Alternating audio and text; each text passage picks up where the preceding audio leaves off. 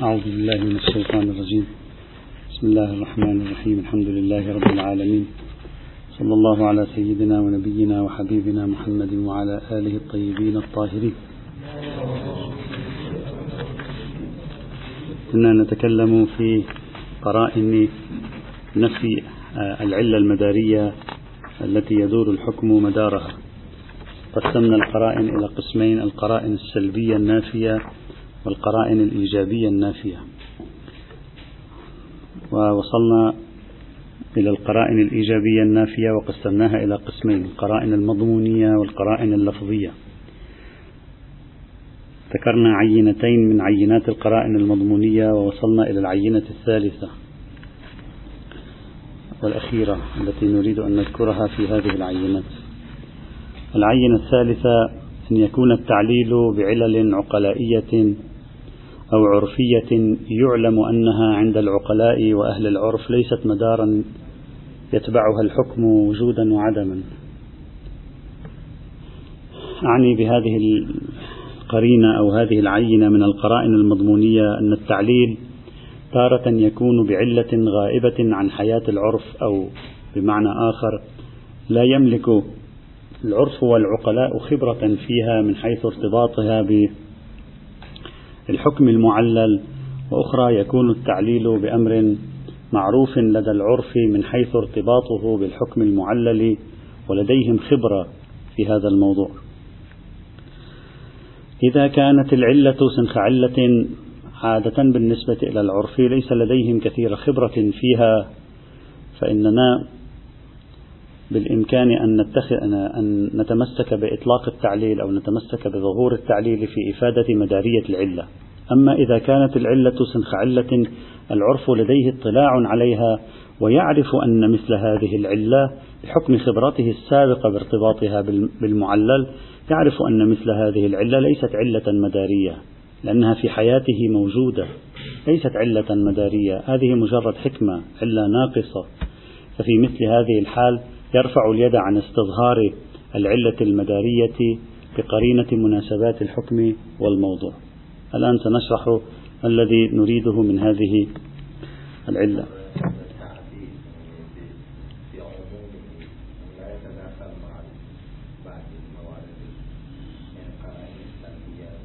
لا لا لا الآن سنشرحه وأنت شوفوا بعدين إذا يتداخل أو لا. الآن سنشرحه وسترى إذا كان يتداخل مع بعض القرائن السلبية التي مرت معنا أو لا. إذا يذكر الإخوة في العام الماضي عندما تحدثنا عن ما كتبه السيد الشهيد محمد باقر الصدر حول الأعمال الفقهية للشيخ محمد جواد مغنية والتي كانت تعتمد الرؤية المقصدية والتعليلية كما رأينا حاول السيد محمد باقر الصدر أن يرجعها إلى مناسبات الحكم والموضوع إذا تذكرون في العام الماضي تحدثنا عن هذا الموضوع. وعندما بحث السيد باقر الصدر هذه النقطة ماذا قال؟ قال العقلاء بعض الأمور يعرفونها لديهم خبرة فيها لديهم تجربة طويلة معها ليست أمورا جديدة على حياتهم. يعرفون ملابسات هذه الأمور يعرفون نتائجها ومبادئها يعرفون لماذا هي ولماذا ليست هي. فإذا ألقى المتكلم الجملة إليهم الحكم إليهم حيث إن لديهم خبرة مسبقة بطبيعتها فإن هذه الخبرة المسبقة تصبح جزء من القرائن المتصلة لفهم النص. وسمي ذلك بمناسبات الحكم والموضوع. يعني هذا ما تجلى فيما بعد تحت عنوان مناسبات الحكم والموضوع الذي قلنا سابقا بأنه مصطلح جديد وليس مصطلحا قديما في أصول الفقه الإمامي. وبهذا ميز السيد الشهيد الصدر بين بحث العبادات أو التعبديات وغيرها من التوصليات. قال لأننا في التعبديات لا نعرف العلل لا نعرف ما وراء الحكم. ما عندنا خبرة مسبقة في أربع ركعات وثلاث ركعات كعقلاء.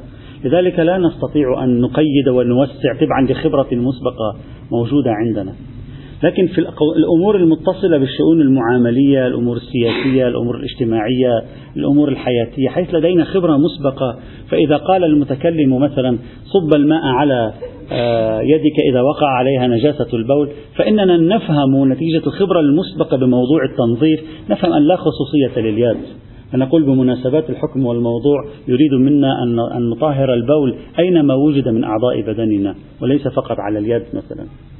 هذا شيء طرحه السيد باقر الصدر هناك تحدثنا إشارة عنه وطبعا صح يجي معنا آه، شيء إضافي آه، يتصل به. ما معنى هذا الكلام؟ معناه في الجملة لا نقول بالجملة في الجملة القضايا التي يملك العقلاء خبرة فيها مسبقا ويعيشونها في حياتهم التجريبية اليومية. عندما يتلقون التشريع من المشرع يحاولون فهمه في سياق خبرتهم هذه. فيصبح هذا السياق متصلا يقيد يوسع يعدل من الدلالة. ولولا هذه العملية لا يمكننا إجراء مناسبات الحكم والموضوع. وإذا لا يمكننا إجراء مناسبات الحكم والموضوع يصدق ما قاله الوحيد البهبهاني رحمه الله الذي عرضناه في العام الماضي. قال إذا, إذا لا نتعدى عن النص قطعا نحن خالفنا الشريعة. عدم التعدي عن النص قطعا يجب مخالفة الشريعة. في الجملة إذا تذكرون نقلنا نصه هناك. ولذلك مثلا لاحظوا الشيخ الصافي البلبيكاني في كتابه مجموعة الرسائل التي جمعت له مجموعة رسائل حتى حتى أمثال الشيخ صافي البلبيكاني يقر بذلك. يعني مثلا ماذا يقول؟ يقول الأحكام الشرعية على قسمين أحكام عبادية وأحكام غير عبادية. ثم يقول القسم الثاني الأحكام المشروعة لنظم أمور الدنيا وسياسة المدن وإدارة المجتمع وروابط الأفراد بعضها مع بعض في الأموال وغيرها. ففي مثل هذه الأحكام بملاحظة الأحكام وموضوعاتها والمناسبة بينها يفهم العرف في الجملة غرض الشارع. يعني حتى لماذا شرع الحكم هم يفهم؟ أن ليس هذا الحكم غريبا عنه. فعندما يأتي به المشرع يفهم هذا الحكم نعرفه. قصدك منه هذا لأن هذا نعرفه. نحن عندنا خبرة فيه. يقول يفهم العرف في الجملة لم يقل بالجملة في الجملة غرض الشارع وما يحققه وما يرتبط به ويكون هذا الفهم ويكون لهذا الفهم دخل في استظهار مراده من كلامه من العموم والخصوص وغيرها إلى آخره. ويصبح من القرائن الحالية المتصلة حينئذ. إذا المقدمة التي أريد أن أدخل إليها أن ثمة صلات بين الحكم وأطراف هذا الحكم يمكن للعرف والعقلاء أن يكتشفوها بمقتضى أن طبيعة الحكم وما يتصل به معروف بالنسبة إليه، ليس شيئا تاسيسيا وإنما هو شيء مألوف لهم، يعرفون هذا الحكم من قبل في شريعتهم العقلائية قبل أن يصدر هذا الحكم مثلا في الشريعه الإلهية. وبالتالي تنشأ فكرة مناسبات الحكم والموضوع وتنشأ فكرة القرينة المتصلة الحالية في مثل هذا المجال. أنا الآن هنا في هذا البحث أريد أن أستفيد من كبرى مناسبات الحكم والموضوع لأجعلها مناسبات الحكم والتعليل والعلة. يعني نفس نكتة مناسبة الحكم والموضوع التي قلناها قبل قليل هي بنفسها يمكنك أن تطبقها في مناسبة الحكم والعلة يعني في مناسبة المعلل والعلة في الجمل التعليلية في النصوص التعليلية. في بعض الأحيان يأتي المولى يذكر حكما يعلله بعلة لأن طبيعة الحكم معروفة بالنسبة إلينا عقلائيا.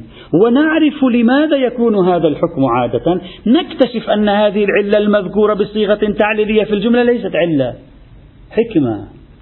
أعطي مثال من عندي لتوضيح الفكرة. الدفن ليس أمرا جديدا على حياة البشر. البشر يعرفون الدفن منذ ابن أبينا آدم. علمهم على ذلك مثلا الغراب الأول الجد الأكبر للغربان رحمه الله. فنعرف نعرف الدفن ونعرف ملابسة والدفن ليس قضية عبادية فلسفية معقدة غامضة ميتافيزيقية قبل ما يأتي الدين.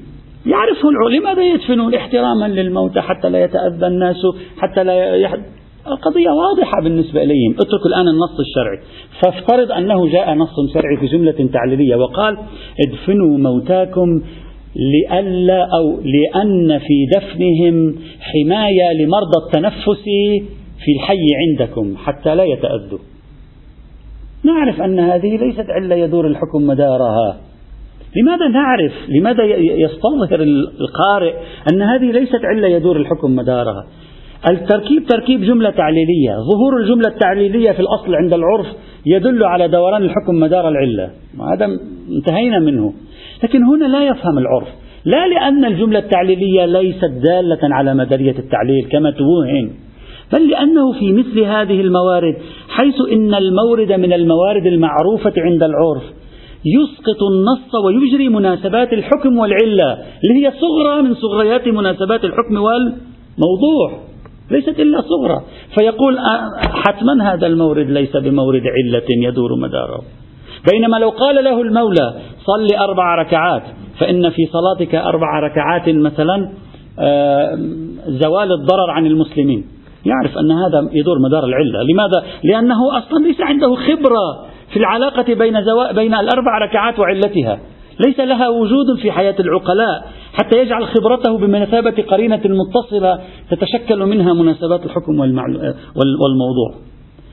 إذا في كل هذا الذي قصدناه في موردنا هنا إذا كان التعليل تعليلا بأمر مع يكون الحكم المعلل والعلة معروفين عند العقلاء ولديهم خبرة فيهما بحيث يجري في المورد قانون مناسبات الحكم والموضوع في مثل هذا المورد يمكن للعرف.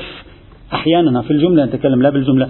أن يرفع يده عن ظهور الجملة التعليلية في المدارية ويقول هذا التعليل ليس مقصودا بمداره وإنما هو مقصود بنحو الحكمة.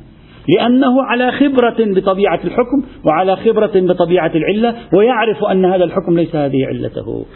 يعرف هذا الحكم عقلائيا ليست هذه علته. فيفهم مراد المولى طبقا للخبرة السابقة. وإذا لا تقبل ذلك فعليك أن تبطل باب مناسبات الحكم الموضوع. أصلا كل مناسبات الحكم الموضوع قائم على أحد نكاته هذه النكتة الأساسية التي ذكرها السيد الشهيد الصدر. طبعا في بعض الأحيان هذه القرينة النافية قد توجب بطلان التخصيص في العلة. وأحيانا قد توجب بطلان التعميم في العلة. وأحيانا قد توجب بطلان التخصيص والتعميم في العلة معا. تبعا لطبيعة رؤية العرف للعلاقة بين العلة والمعلل الحكم المعلل في موردنا هنا. لكن الشيء الذي أريده في محل البحث هذا هذا انتهى. الشيء الذي أريده هنا هو أن نميز بين هذه القرينة وبين ما قلناه من أمس بالأمس من مبدأ إمكان التحقق. أنه لا بد أن يكون التعليل إذا أردت أن تنفيه بقرائن أن يكون خاضعا لمبدأ إمكان التحقق لمبدأ إمكان التثبت أن لا يكون العلة سنخ علة لا يمكن التثبت منها بالنسبة لنا. كما لو كانت علة ميتافيزيقية لو كانت علة أخروية كما لو كانت علة مستقبلية لا يمكننا التثبت من وجودها وعدمها أصلا. وميزنا بين مبدأ إمكان التثبت وبين مبدأ الضبط والانضباط في العلة الذي ذكره مشهور الأصوليين المسلمين خاصة عند أهل السنة. بالأمس قلنا ذلك. الآن ما الفرق بين هذا الذي ندعيه هنا وبين مبدأ إمكان التحقق الذي تكلمنا عنه بالأمس؟ في فرق بينهما حتى لا يلتبس المبدأان علينا. في مبدأ إمكان التحقق العرف حتى لو ألقيت له العلة هو لا يفهمها من حيث الوجود والعدم. ليس لديه إمكان أن يتحقق منها من حيث الوجود والعدم. هنا لا. قد يكون لديه إمكان التحقق منها من حيث الوجود والعدم.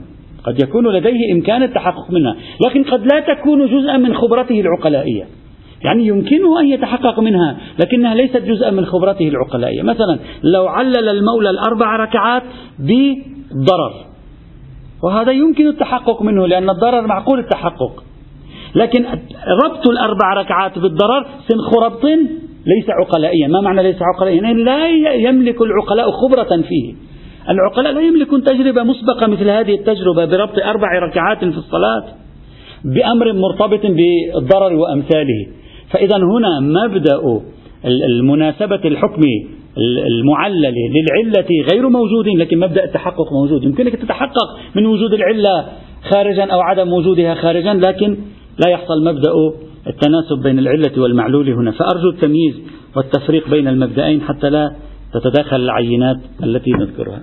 سأكتفي بهذا القدر من العينات القرائن المضمونية وننتقل إلى القرائن اللفظية. إذا نحن جعلنا القرائن النافية لمدارية العلة على نوعين. قرائن سلبية وقرائن إيجابية. تكلمنا عن القرائن السلبية. ثم جئنا للقرائن الإيجابية. القرائن الإيجابية قسمناها إلى قرائن مضمونية ذكرنا لها ثلاث عينات وقرائن لفظية. طبعا بعض القرائن التي مرت معنا قبلناها بعضها لم نقبلها. يعني ليست كلها قبلناها. بعضها كما رأينا قبلناها بعضها لم نقبله. الآن سنذكر القرائن اللفظية وسأذكر عينتين فقط حتى لا نطيل فقط لأجل الالتفات. العينة الأولى استخدام حرف اللام في التعليل. بوصفه قرينة لفظية على عدم إرادة مدارية العلة. ما معنى هذه القرينة التي ندعيها هنا؟ هذه القرينة ليست سوى تطبيق ليست سوى تطبيق محتمل أو ممكن لنظرية الميرزا النائيني التي تحدثنا عنها سابقا بالتفصيل. لنظرية الميرزا النائيني التي تحدثنا عنها سابقا بالتفصيل. الميرزا النائيني في بعض النصوص هكذا يقول حرمت الخمر لكونها مسكرة. حرمت لا تشرب الخمر فإنه مسكر وبين لا تشرب الخمر لإسكاره ميز بينهما. أخذ بعضهم التمييز في كلام الميرزا النائيني على أنه يميز بين الفاء وبين اللام. الفاء تشكل كبرى كلية يعني تكون العلة مدارا. اللام لا تشكل كبرى كلية. لماذا؟ لأن اللام بحسب ظهورها تفيد بيان الداعي لجعل الحكم. لا تفيد بيان العلة بيان الداعي لجعل الحكم. وإذا تذكرون الميرزا النائيني يقول الداعي لجعل الحكم من الواسطة في الثبوت والواسطة في الثبوت لا, تك... لا يدور الحكم مدارها وليس من الواسطة في العروض التي يدور الحكم مدارها. يعني هذه هي فلسفة القضية. عندما تستخدم اللام في التعليل أنت تشير إلى الداعي إلى الحكم. يعني علة الجعل بتعبير بعضهم. وعندما تستخدم الفاء فأنت تشير إلى العلة لا إلى الداعي. يعني إلى الصفة التي يدور الحكم مدارها. على هذا الأساس. طيب نحن سابقا تحدثنا عن نظرية الميرزانين وقلنا العرف لا يميز بين القضايا كلياتها وما في تمييز عند العرف وفاقا للسيد الخوئي في تعليقه على ما أفاده الميرزا النائيني في أجود التقريرات ولا نريد أن نعود ونطيل ذكرنا هناك يمكن سبعة ثمانية تسع إشكالات على نظرية الميرزا النائيني وأيضا ذكرنا سابقا في أكثر من موضع أن كون العلة من شؤون الدواعي أو الملاكات والمصالح لا يوجب سلب المدارية عنها قد تكون مسلوبة المدارية وقد لا تكون مسلوبة المدارية لا يوجد عندنا قاعدة في ذلك.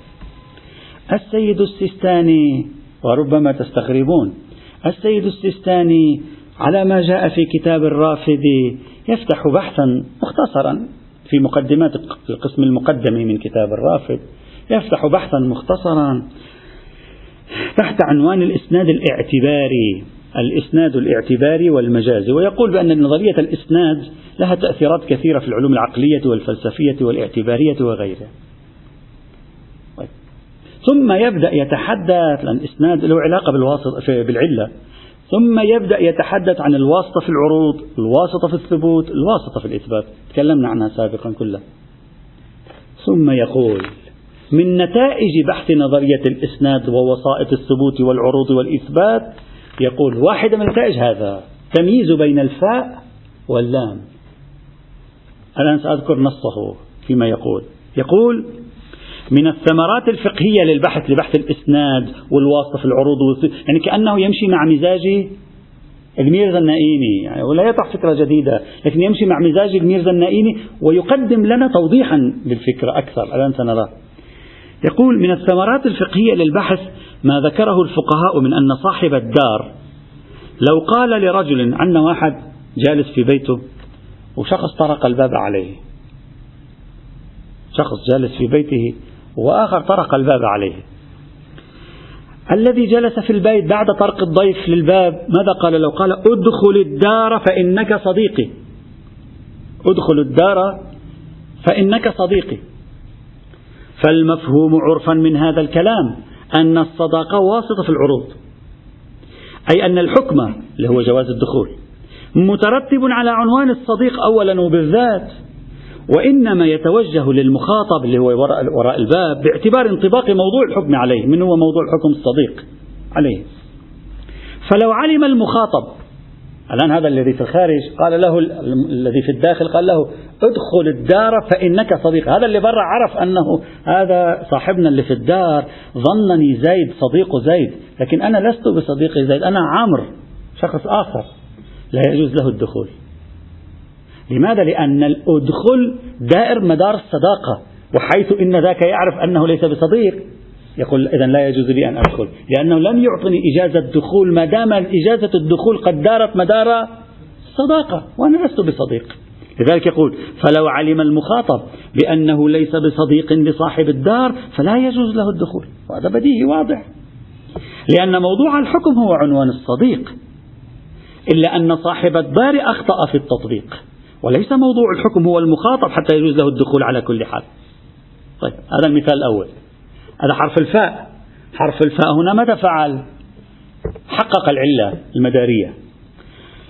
ولو قال له المثال الثاني. طبعا أنت الآن خليك على عرفيتك أرجوك لا تتأثر بأي فضاء جديد. أنت على عرفيتك خليك. ولو قال له ادخل الدار لأنك صديقي. يقول لا. هنا لا. هنا الحكم مت... موضوع الحكم هو المخاطب. ولأنك صديقي علة السماح له بدخول الدار. علة داعية. يعني واسطة في ثبوت. وليست واسطة في العروض. حسب تمييزات الميرزا النئيمي إذا تذكرون. يقول لا. أما إذا قال ادخل الدار لأنك صديقي فالمفهوم عرفا من ذلك أن الصداقة واسطة في الثبوت. أي أن موضوع الحكم بجواز الدخول هو ذات المخاطب. طيب إذا عرفنا هذا المخاطب العامر اللي في الخارج عرف أنه ليس بصديقه. يقول أنا لست بصديقه يا أخي فماذا أفعل؟ يجوز لي الدخول أو لا؟ نعم يجوز الدخول. لماذا؟ لأن موضوع الحكم من هو؟ زيد المخاطب. المخاطب. وليس موضوع الحكم هو عبارة عن الصديق. حتى يقول أنا لست بصديق. فالعرف يقول هنا لا يجوز له الدخول. عفوا يقول يجوز له الدخول معذرة يقول يجوز له الدخول. بينما يدخل الدار فإنك صديقي. إذا يعرف ذاك الذي في الخارج أنه ليس بصديق لا يجوز له الدخول. وهذا كله برقبة العرف مخلينه يعني. فكن دير بالك يعني, يعني ليس الموضوع تحليليا. هذا الموضوع كله موكل إلى العرف. ادخل الدار فإنك صديقي. ادخل الدار لأنك صديقي. العرف يميز بينهما. تلك واسطة في العروض هذه واسطة في الثبوت. وبناء عليه فإن اللام والفاء تغير هو, هو ما الذي تغير؟ لام والفاء فقط. إذا اللام والفاء من القرائن اللفظية التي يمكننا أن نقول بأنها تؤثر في نفي اللام يعني تؤثر في نفي المدارية.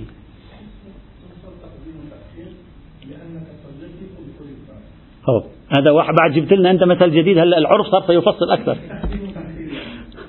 إلا إذا قال له لأنك صديقي ادخل الدار فإنك صديقي تتعارض بعد. صحيح. ممكن الآن إذا ندخل في التفصيل ممكن لأنك صديقي ادخل الدار فإنك صديق ادخل ممكن. أنا نحن يهمنا الآن الوقوف عند هذه القرينة أن حرف اللام من طبعه أن ي... ليس بالضرورة دائما لكن من طبعه أن يكون قرينة إفادة عدم مدارية العلة وبالتالي الحكم لا يدور مدار العلة. يقول هكذا يفهم العرف ظاهرة في هذا المعنى. لا, لا نريد أن نحمل السيستاني ما, ما لم يقله. الموضوع لا أدري إذا هو يرى ذلك لكن هو يرى ظاهرة عرفا. يرى ذلك ظاهرة عرفا. لم يقل كلمة موضوع. إذا أي أن موضوع الحكم بجواز الدخول هو ذات المخاطب لا عنوان الصديق وإنما الصداقة من دواعي الإذن بالدخول. حتى فهنا حتى مع علم المخاطب بعدم كونه صديقا يجوز له الدخول ما دام هو الموضوع للحكم بالجواز. كتاب الرافد صفحة 80 إلى 83 طبعا أنا في مقطع في الوسط باعتبار توضيح وسائط الثبوت ما ذكرته. سابقا تحدثنا عنه. هذا هو مفاد كلامه حفظه الله تعالى. طبعا مرجع هذا الكلام لو تأملتم فيه مرجعه إلى قرينة أخرى تقدمت قرينة مضمونية. ما هي؟ وفي الحقيقة مرجعه إلى أن اللام تكشف عن الداعي والداعي لا يكون علة. هذا تكلمنا عنه سابقا. قلنا المعروف بينهم أن الداعي لا يكون علة. هكذا المعروف بينهم. وقلنا حتى عند أهل السنة الداعي اللي هو عبارة عن المصلحة والملاك انقسموا فيه والأكثر عندهم حتى أنه لا يكون علة. مع قولهم بالقياس.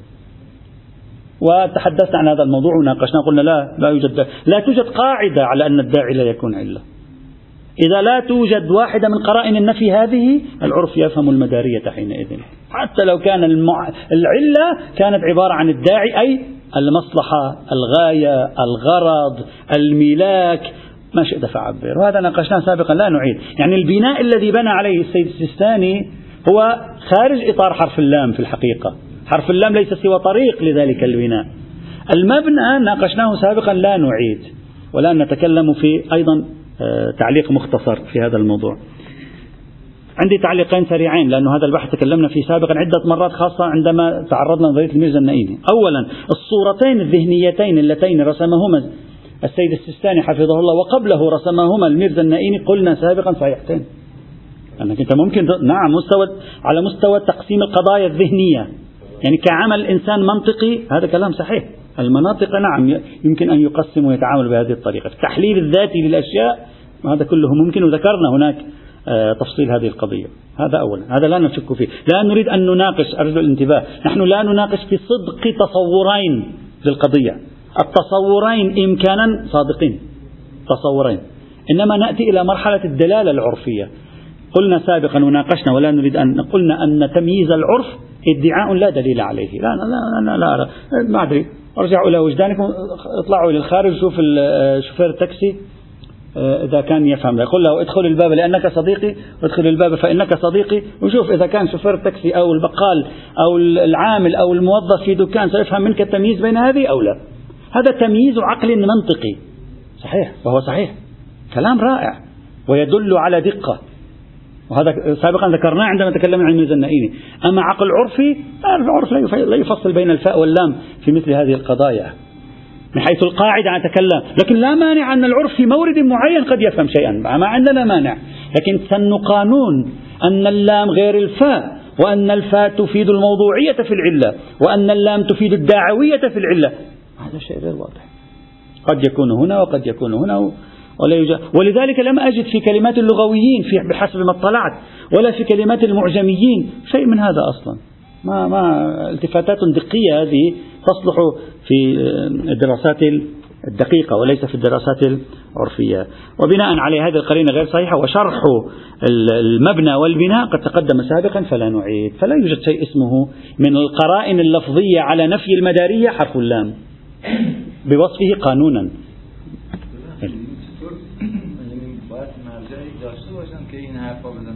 وقتی فا و لام برای این نشده و نشده چطور این اینجور میتونن بگن تحليل. تحليل تحديد العرف لطالما بين علماء المسلمين وغير علماء المسلمين. كل واحد ينسب فهمه ويقول هذا الذي يفهمه العرف. ويختلفون. خب میدونم اون تحلیل منطقی رو شما پذیرفتین اونم نمیتونیم بپذیریم وبعد یه مرجعی داشته باشیم لا تحليل منطقي لا يدل إلى مرجع إثبات ليس له علاقة بالإثبات اللغوي. لما نقول تحليل منطقي يعني القضية في ذاتها يعني الصورتين ممكنتين. بلى أنا أقبل معكم. أنا أقول كتحليل منطقي ممكن يكون فرق بين شخص يقول له ادخل والداعي إلى السماح لك بالدخول أنك صديقي وبين أن يقول له ادخل فإن هناك كبرى كلية بجواز دخول صديقي. كلاهما ممكن. الكلام ليس في إمكان تصور القضيتين ليس في منطقية التمييز بين القضيتين. ما في في عالم القضايا هذا ممكن. الكلام في عالم الفهم العرفي. هل العرف يميز بين ادخل الدار فإنك صديقي وادخل الدار لأنك صديقي؟ قانونان يعني بوصف ذلك قرينة ذات طابع اقتضائي إلا ما خرج بالدليل. نقول لا. نعم بعض الأحيان ممكن لكنه ليس بنحو القانون. بنحو في قرينة آه، خاصة بالموضع هي التي جعلتنا نتصور ذلك. لا أن كلمة اللام والفاء تمثل قرينة في هذا السياق. العينة الثانية التي أريد أن أذكرها سأضعها تحت عنوان قيام القرينة اللفظية المنفصلة.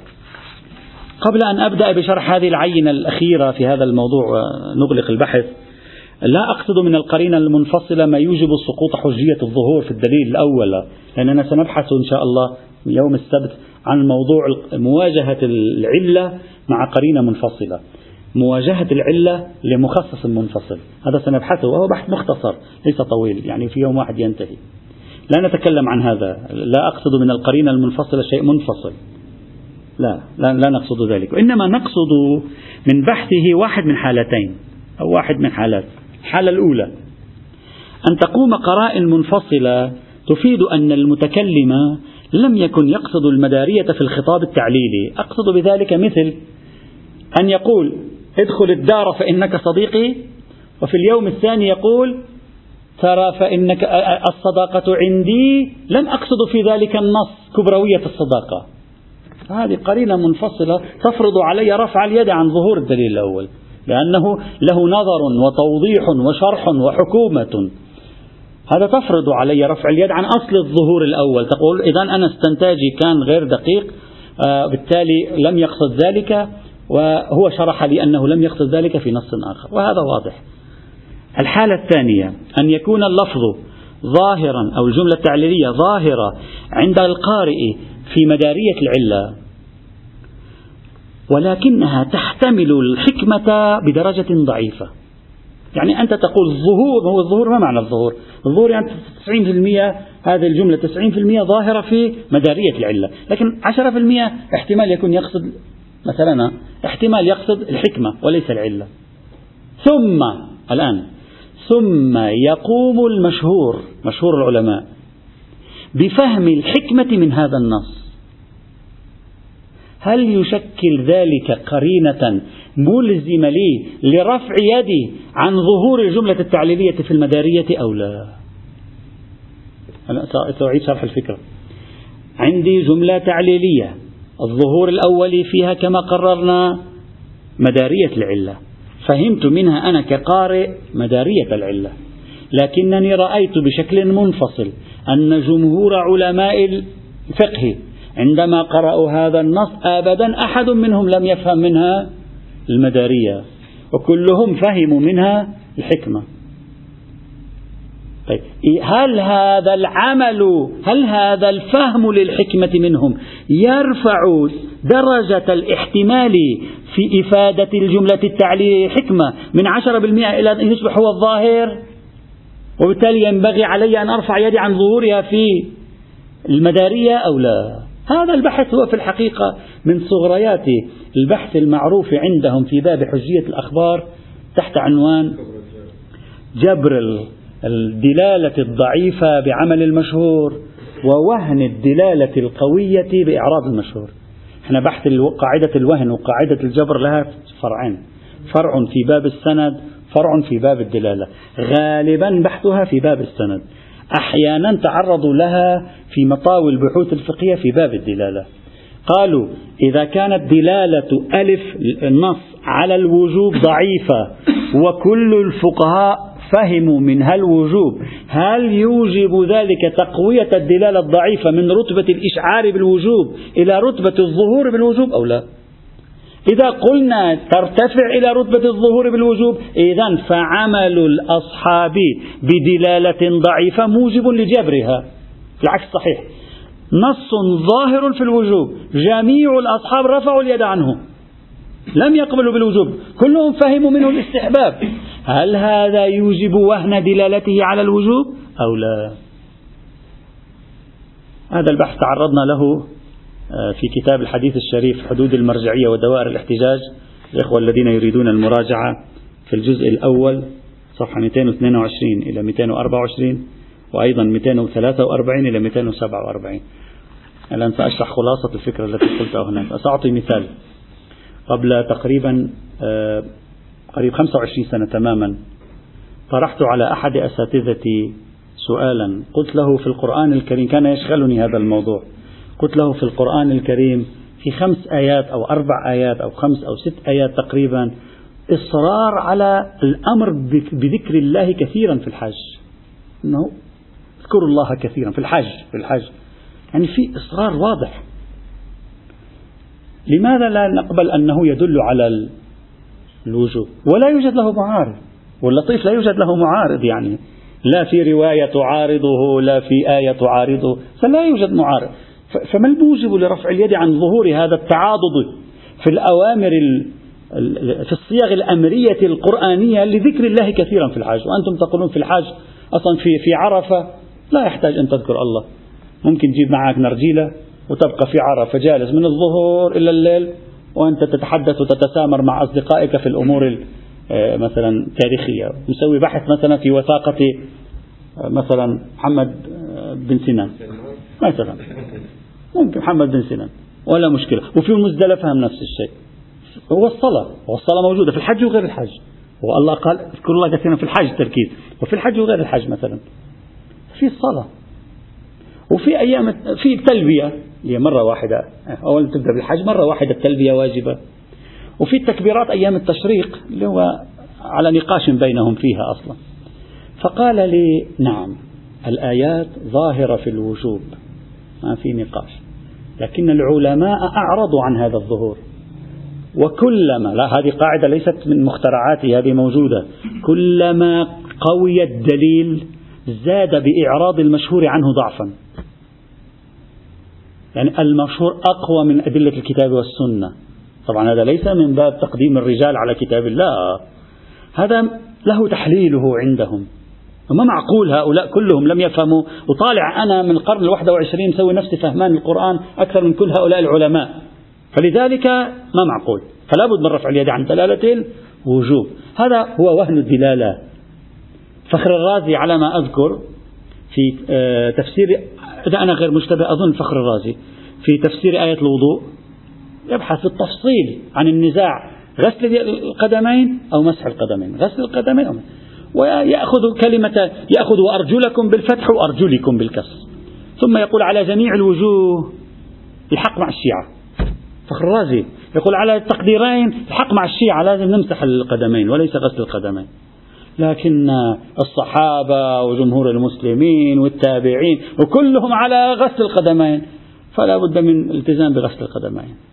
هلا في شخص يقراها من بعيد يكون عنده سوء ظن ويقول شوف هذا علماء المسلمين يقدمون الرجال على كتاب الله. وفي شخص يقول لا القضية ليست هكذا يا أخي.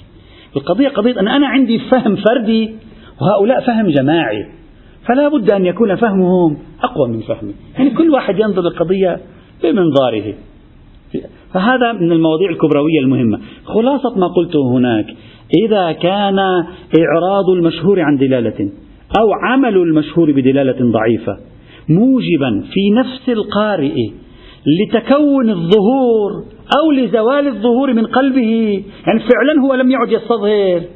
وهذا بعد انتهى. لأنه إذا كان يستظهر وباطلاعه على آرائهم زال الاستظهار من قلبه. عدم موضوع حجية الظهور. وإذا كان لم يستظهر قبل الاطلاع على آرائهم ولما اطلع على آرائهم انعقد الظهور في ذهنه وجاء موضوع حجية الظهور. هذا لا إشكال فيه هذا خارج عن محل البحث. إنما الكلام في واحد فيه نوع من العناد. أجمع المشهور والفقهاء على فهمين هو لا لا كل واضحة هذه كلهم مخطئون يا أخي كلهم مخطئون. واضحة عنده القضية وين المشكلة؟ هم رجال نحن رجال يقول لك. وفي مثل هذه الحالة لا يوجد موجب للتمسك بقولهم ورفع اليد عن دليل حجية الظهور. إذ أنت لا ليست ظاهرة الآية في في الدلالة أو ليست ظاهرة الرواية في الدلالة وتريد أن تجري قاعدة حجية الظهور في مورد لا موضوع للظهور فيها. لا معنى له. إذا فجبر الدلالة أو وهن الدلالة لا بد أن نفسره على أنه يرجع إلى نكتة صغروية لا إلى نكتة كبروية. نكتة كبروية غير صحيحة. نكتة صغروية ما معناها؟ يعني نحن نرى نوعا أنه لا يكون ظهور لهذه الجملة إذا جميع العلماء أو مشهور العلماء لم يفهموا منها ذلك. يعني النقاش يصبح حينئذ صغرويا. هلا كل واحد هو بعد هو, هو تجربته الشخصية مثلا في هذا المجال. وعليه.